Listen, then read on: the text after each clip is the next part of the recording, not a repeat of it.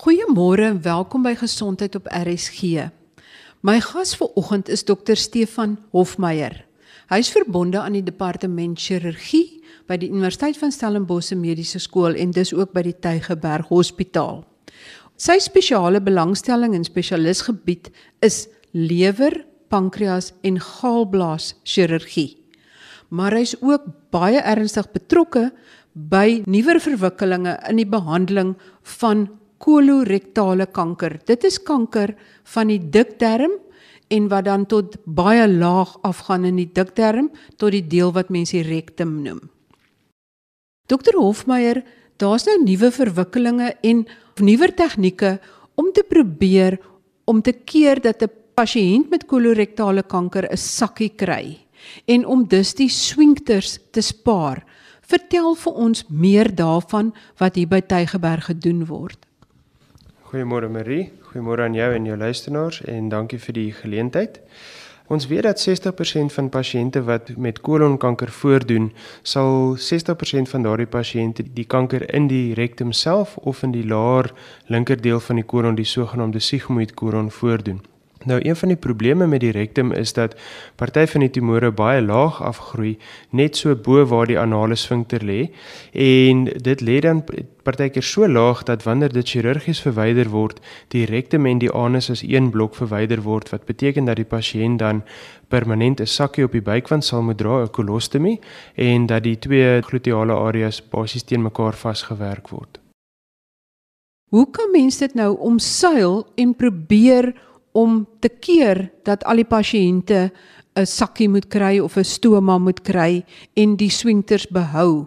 Wat is daai tegniek wat hier by julle departement toegepas word? So as mens in die breë kyk na larektale tumore, is daar twee ingrepe wat mens kan gebruik om te kyk of mens die sfinkters kan bespaar. So die eerste ding is dat as mens rektale kanker ontwikkel, dan weet ons dat pasiënte wat met 'n meer gevorderde stadium van siekte voordoen, waar die tumor self bietjie groter is of dat daar limfnodes in die area klaar geaffekteer is, dat sulke pasiënte eers voor die tyd bestraal moet word. En partykeer is die bestralingsrespons so goed dat die tumor bietjie wegkrimp van waar die anale sfinkters lê en dan gaan dit vir mense die moontlikheid gee om dalk die sfinkters te spaar en die rektum ehm um, self net hoef te verwyder en dan nog steeds die kolon bo dit onder teen die anale sfinkter te kom vaswerk.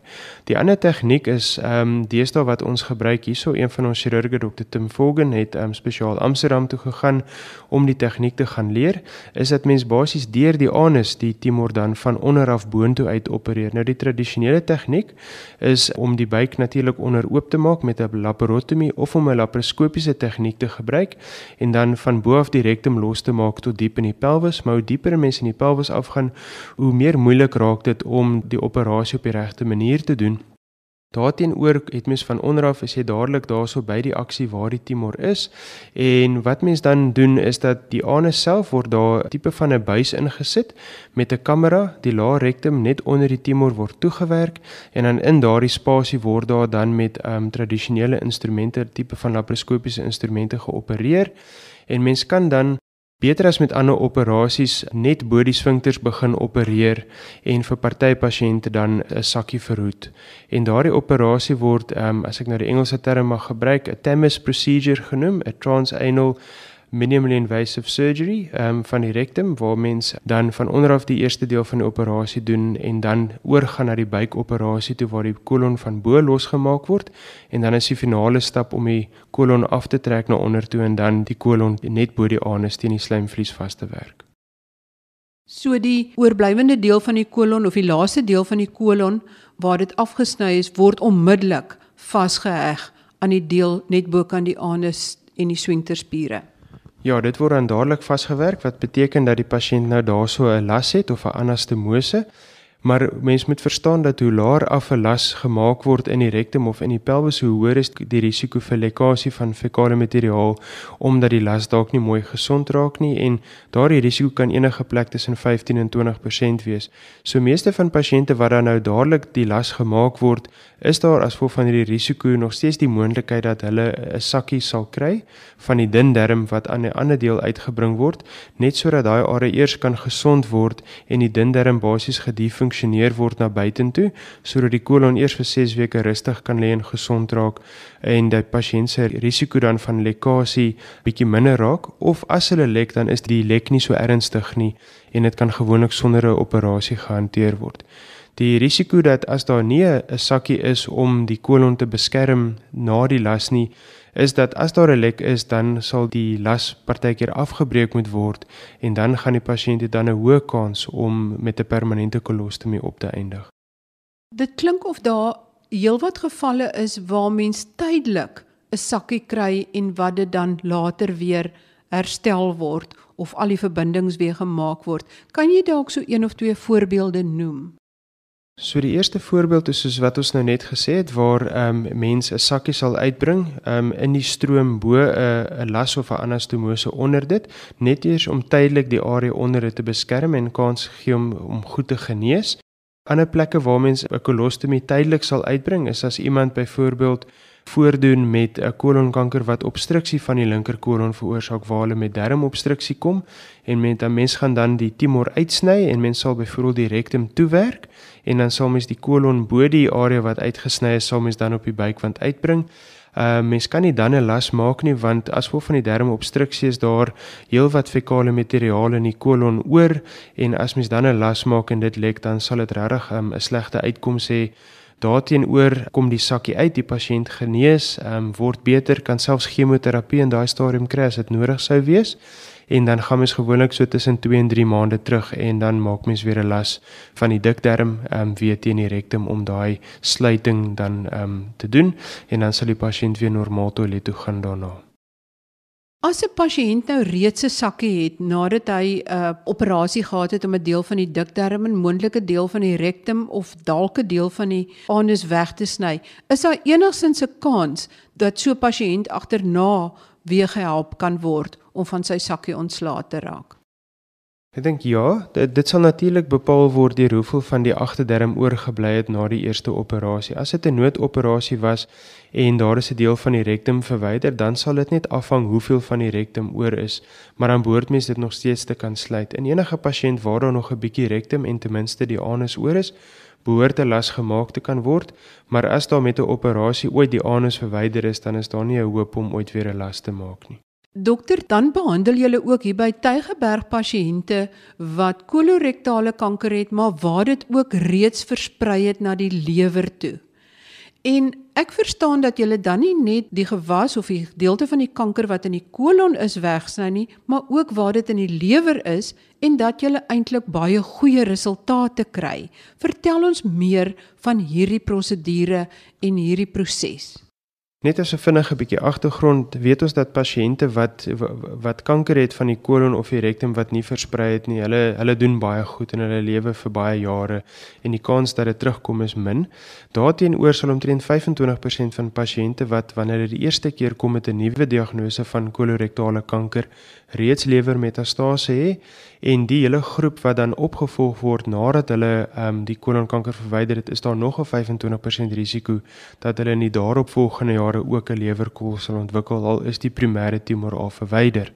So vir hierdie pasiënte speel dit 'n baie groot rol in hulle oorlewing en natuurlik as dit van die rektum of die kolon na die lewer toe versprei dan uiteraard is die prognose baie swakker. Nou Kolonkanker is een van 'n handjievol tumore waar ons na pasiënte kyk om daardie lewermetastase te gaan verwyder deur lewerreseksies te poog, want dit is bewys deur jare en jare se studies dat dit vir pasiënte baie goeie uitkomste gee. Pasiënte met lewermetastase wat opereerbaar is, kan in um, in goeie behandelingssentra nou verwag om tussen 50 en 60% 5 jaar oorlewing te kry met chemoterapie wat gewoonlik bygegee word.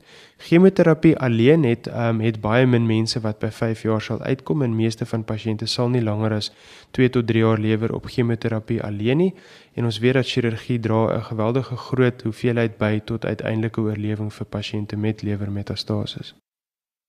Hoekom versprei dit eers na die lewer toe? Die dindarm sowel as die dikdarm se bloedvoorsiening anders as ander dele van die liggaam wat almal direk terug gaan hart toe, gaan gewoonlik eers deur die portaal venese stelsel terug na die lewer toe om om 'n bietjie gefiltreer te word voor dit terug gaan na die res van die stelsel toe. So dis maar basies net dat die die tumorverspreiding volg maar net die venese dreinasie van die ehm um, die dikdarm en die dindarm self. Hoe verwyder jy 'n deel van die lewer vorm daar dan nuwe selle weer in die lewer dat hy self homself weer herstel. Uh, verduidelik bietjie meer van daai proses. Die lewer is 'n wonderlike orgaan. Dis die enigste orga, soliede orgaan in die menslike of in die volwasse liggaam wat kan regenereer nadat 'n deel van hom weggesny is. Ander organe vergroot omdat die selle self vergroot, maar die lewer is die enigste ene waar die selle eintlik sal vermeerder of verdubbel om homself weer te vergroot. So die lewer in 'n normale persoon kan mens omtrent 80% van die lewer wegsny en 20% oorlos en binne 3 weke sal die lewer weer die oorspronklike volume hê. Hy sal nie struktureel lyk soos hy voorheen gelyk het nie. Dit sal maar net die lob wees wat groter raak, maar die volume vermeerder en die funksie binne 3 weke is heeltemal 100% van wat dit voor die tyd was. So dit gee vir ons die vermoë om op die lewer regtig 'n groot dele weg te sny en mense met kolorektale kanker wat na die lewer toe versprei, party sal natuurlik een kol hê, party sal twee kolle hê wat naby mekaar sit of ver van mekaar sit of party pasiënte sal 17 kolletjies hê.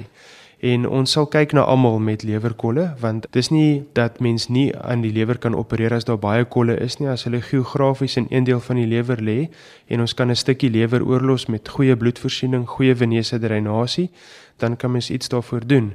So tradisioneel het ons gesê dat net omtrent 20% van pasiënte met lewermetastase gehelp kan word as gevolg van tegniese redes, maar deesdae probeer ons vir al hoe meer en meer pasiënte opereer omdat ons weet die uitkoms en die voordeel van chirurgie is so groot en wat ons byvoorbeeld doen is as die tumore naby kritieke areas lê of as hulle baie groot is, dan krimp ons hulle eers met chemoterapie en met daar's wonderlike chemoterapie deesdae beskikbaar om die tumore wat in die lewer sit te verklein en dan tegnies 'n operasie moontlik te maak. Of as 'n pasiënt 'n stukkie lewer het wat skoon is en wat sal kan oorleef, maar te min is om te oorleef, is daar verskeie tegnieke wat ons kan gebruik om voor die tyd dele van die bloedvoorsiening na die lewer toe te stop na die een helfte sodat die ander helfte groei.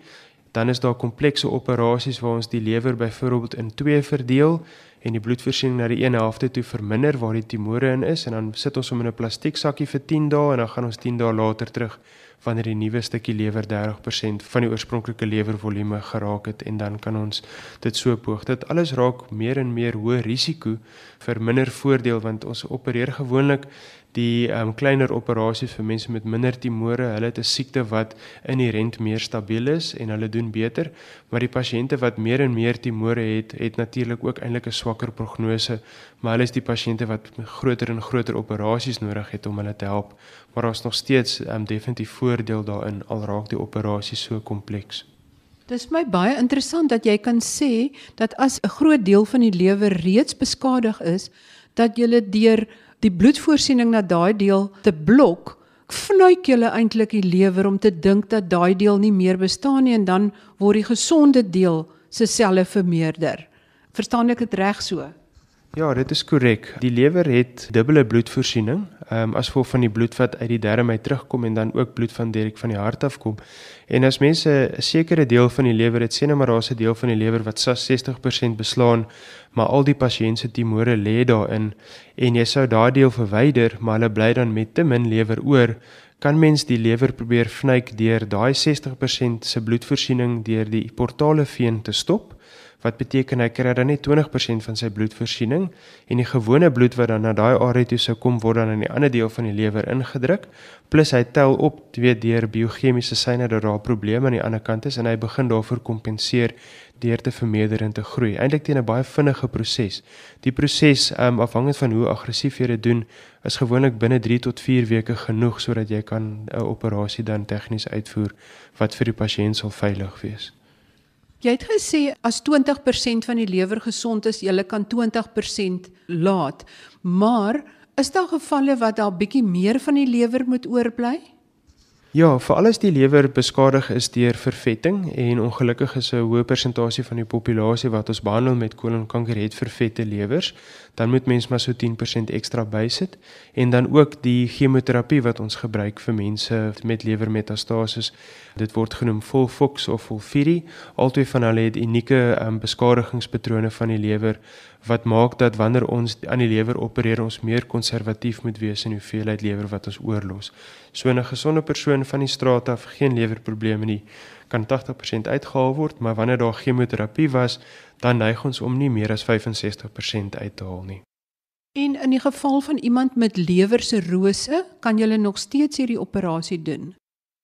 Dit is baie rar vir pasiënte met kolonkanker om metastases in 'n sirotiese lewer te ontwikkel. Ons weet nog nie presies hoekom nie, maar die omgewing van die lewer verander en dit raak miskien minder onttreklik vir die kolonkanker om daarso te kan begin groei. So dis nie baie algemeen om kolorektale lewermetastases in 'n sirotiese lewer te kry nie.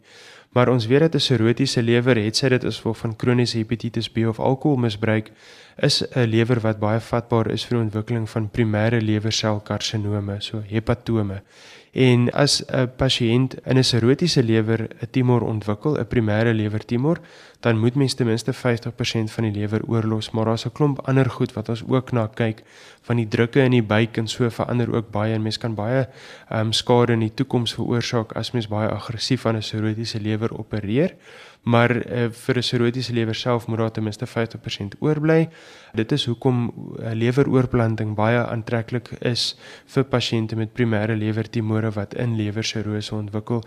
As uh, een van die luisteraars weet hy het lewersirose, moet mens net altyd onthou dat as jy lewersirose het, is jy vatbaar vir lewerselkanker. Daar's 'n 1 tot 2% kans per jaar dat mense dit ontwikkel en wat mens moet doen is met ten minste een keer 'n jaar is lewersonar en 'n bloedtoets, 'n alfa-fetoproteïen bloedtoets hê om te kyk of dit dalk begin nie.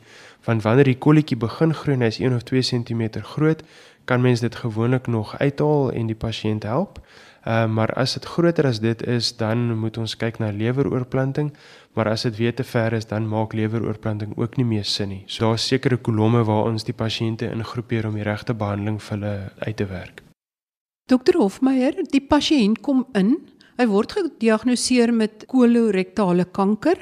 Julle vind uit presies waar die letsel lê. Julle kom agter dat daar lewermetastases is. Hoe besluit julle of die chirurgie eers gedoen moet word of die bestraling eers gedoen moet word en of die chemoterapie eers gedoen moet word? Ja, ek dink dit is 'n moeilike vraag. Ek dink hierdie van ons wat in die veld werk, wens daar was een korrekte antwoord gewees. Maar mens kan verstaan dat pasiënte van alle ouderdomme met verskillende siektes, swak harte, gesonde harte, ehm um, niersiekte, geen niersiekte en dan met 'n kolontumor wat aan die linkerkant en die regterkant die hoë rektum, die lae rektum kan voordoen. Hulle kan een lewerkolletjie, hulle kan twee, hulle kan vele lewerkolle hê of twee kolle wat in oorgestelde kant van die lewer sit. En party pasiënte kan die chemoterapie tolereer, party pasiënte kan nie bestraal word nie. So dit raak uiters kompleks om partykeer daardie besluit te maak. En dis hoekom wat lekker is in 'n in 'n hospitaal soos Tygerberg waar ons iemand het wat fokus waarop ek fokus en ons het 'n kolorektale chirurg wat fokus op dit en 'n onkoloog wat spesifiek daarin belangstel is dat ons probeer 'n multidissiplinêre omgewing skep en die besluite in so 'n omgewing maak. En ehm um, dit is die wet oor see. Ons is nog nie daar in Suid-Afrika nie, maar dit is definitief, jy weet, een van die belangrikste goeders is dat pasiënte moet probeer sorg dat hulle geval nie net altyd deur een persoon bestuur word nie, maar hulle moet probeer soek vir plekke waar daar 'n multidissiplinêre ingreep is en waar hulle verskillende dokters met mekaar praat en dan die besluite maak. Want hierdie scenario's raak uiteraard partykeer baie kompleks. Partykeer opereer ons eers aan die lewer, partykeer gee ons eers chemoterapie Partykeer bestraal ons eers die rektum, partykeer opereer ons eers aan die rektum, partykeer opereer ons aan die rektum en die lewer gelyk. So daar is regtig 'n legio van opsies, maar dit hang af van elke spesifieke individu en waarmee hy voordoen. Dokter Hofmeyer, as jy 'n finale boodskap het vir die luisteraar daar buite in terme van die prosedure wat jy hier toepas om die anale swingter te red en dus die pasiënte sakkie te spaar en ook die benadering om lewermetastases ook te opereer om vir die pasiënte langer oorlewingskans te gee. Het jy 'n boodskap in 'n neute dop vir luisteraars? Ek dink die luisteraars in Suid-Afrika is is nog steeds geseën met wonderlike chirurge daar buite wat baie goed kan opereer. Maar die een plek ek sou sê as die tumor baie naby aan die anale sfinkter begin kom, dan is dit miskien die een plek waar jy 'n tweede opinie wil inwin van iemand wat spesifiek in daai veld spesialiseer om net seker te maak dat iemand vir jou nie miskien iets anders kan bied nie. En dan om te sorg dat jy ten minste agterkom dat jou dokters met mekaar praat oor jou siekte en dat daar nie net altyd een persoon is wat vir jou 'n antwoord gee nie veral wanneer dit begin kompleks raak en dat pasiënte moet nie hoop verloor nie. As die siekte in die lewer sit nie weet daar is opsies en vra dat iemand wat met die nodige kundigheid kyk na die lewer situasie en of jy chirurgie aangebied kan word. Dit was dan dokter Stefan Hofmeyer, chirurg verbonde aan die departement chirurgie by die Universiteit van Stellenbosch en die Tygerberg Hospitaal wat vir ons oor hierdie nuwe en interessante tendense vertel het. Eerstens hoe om mense wat kolonkanker het wat baie laag in die rektum geleë is om selfs vir hulle 'n stoma sakkie te spaar en dan ook om pasiënte met gevorderde kolonkanker wat na die lewer versprei het om hulle te behandel sodat hulle 'n kans op langer oorlewing het. Gaan kyk gerus op RC se webwerf rc.co.za. Ek het by vandag se program ook ekstra skakels gelaai na ons vorige programme oor kolonkanker en allerlei ander probleme wat met die dikterm gepaard gaan. En ek wens al ons luisteraars 'n voorspoedige en opwindende 2019 toe in die nuwe jaar is daar reeds baie opwindende en interessante gesprekke wat wag op gesondheid op RSG. Byvoorbeeld, ons gaan kyk na limfdreinering van bene wat baie opgeswel is, hoe dit behandel kan word, wat is die nuutste tendense daarin? Ons gaan kyk na die middels wat in sommige van die verslankingsinspuitings en middels is, hoe dit werk of dit voordelig of nadelig is of dit kan werk of nie kan werk nie. Ons gaan kyk na die gebruik van dagga olie saam met chemoterapie, is dit voordelig of nadelig? En ons gaan ook onder meer kyk na die nuutste tendense in tandheelkundige behandeling. Maar vir die eerste program in die nuwe jaar fokus ons op die jongste in die behandeling van tuberkulose in kinders. Daar word deesdae al hoe beter resultate verkry. Moet dit nie misloop nie. Tot volgende week dan. Totsiens.